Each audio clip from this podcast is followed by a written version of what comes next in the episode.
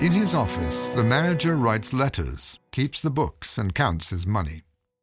Apparently, Plantin was satisfied with this rather small office.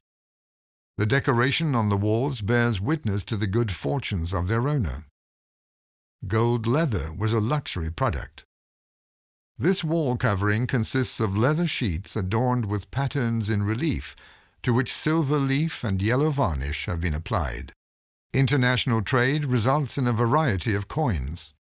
Traders have a special coin book where they can look up the value of their own and foreign coins. The value of a coin is determined by the amount of precious metal it contains. This is why tradesmen always have their own weighing scale.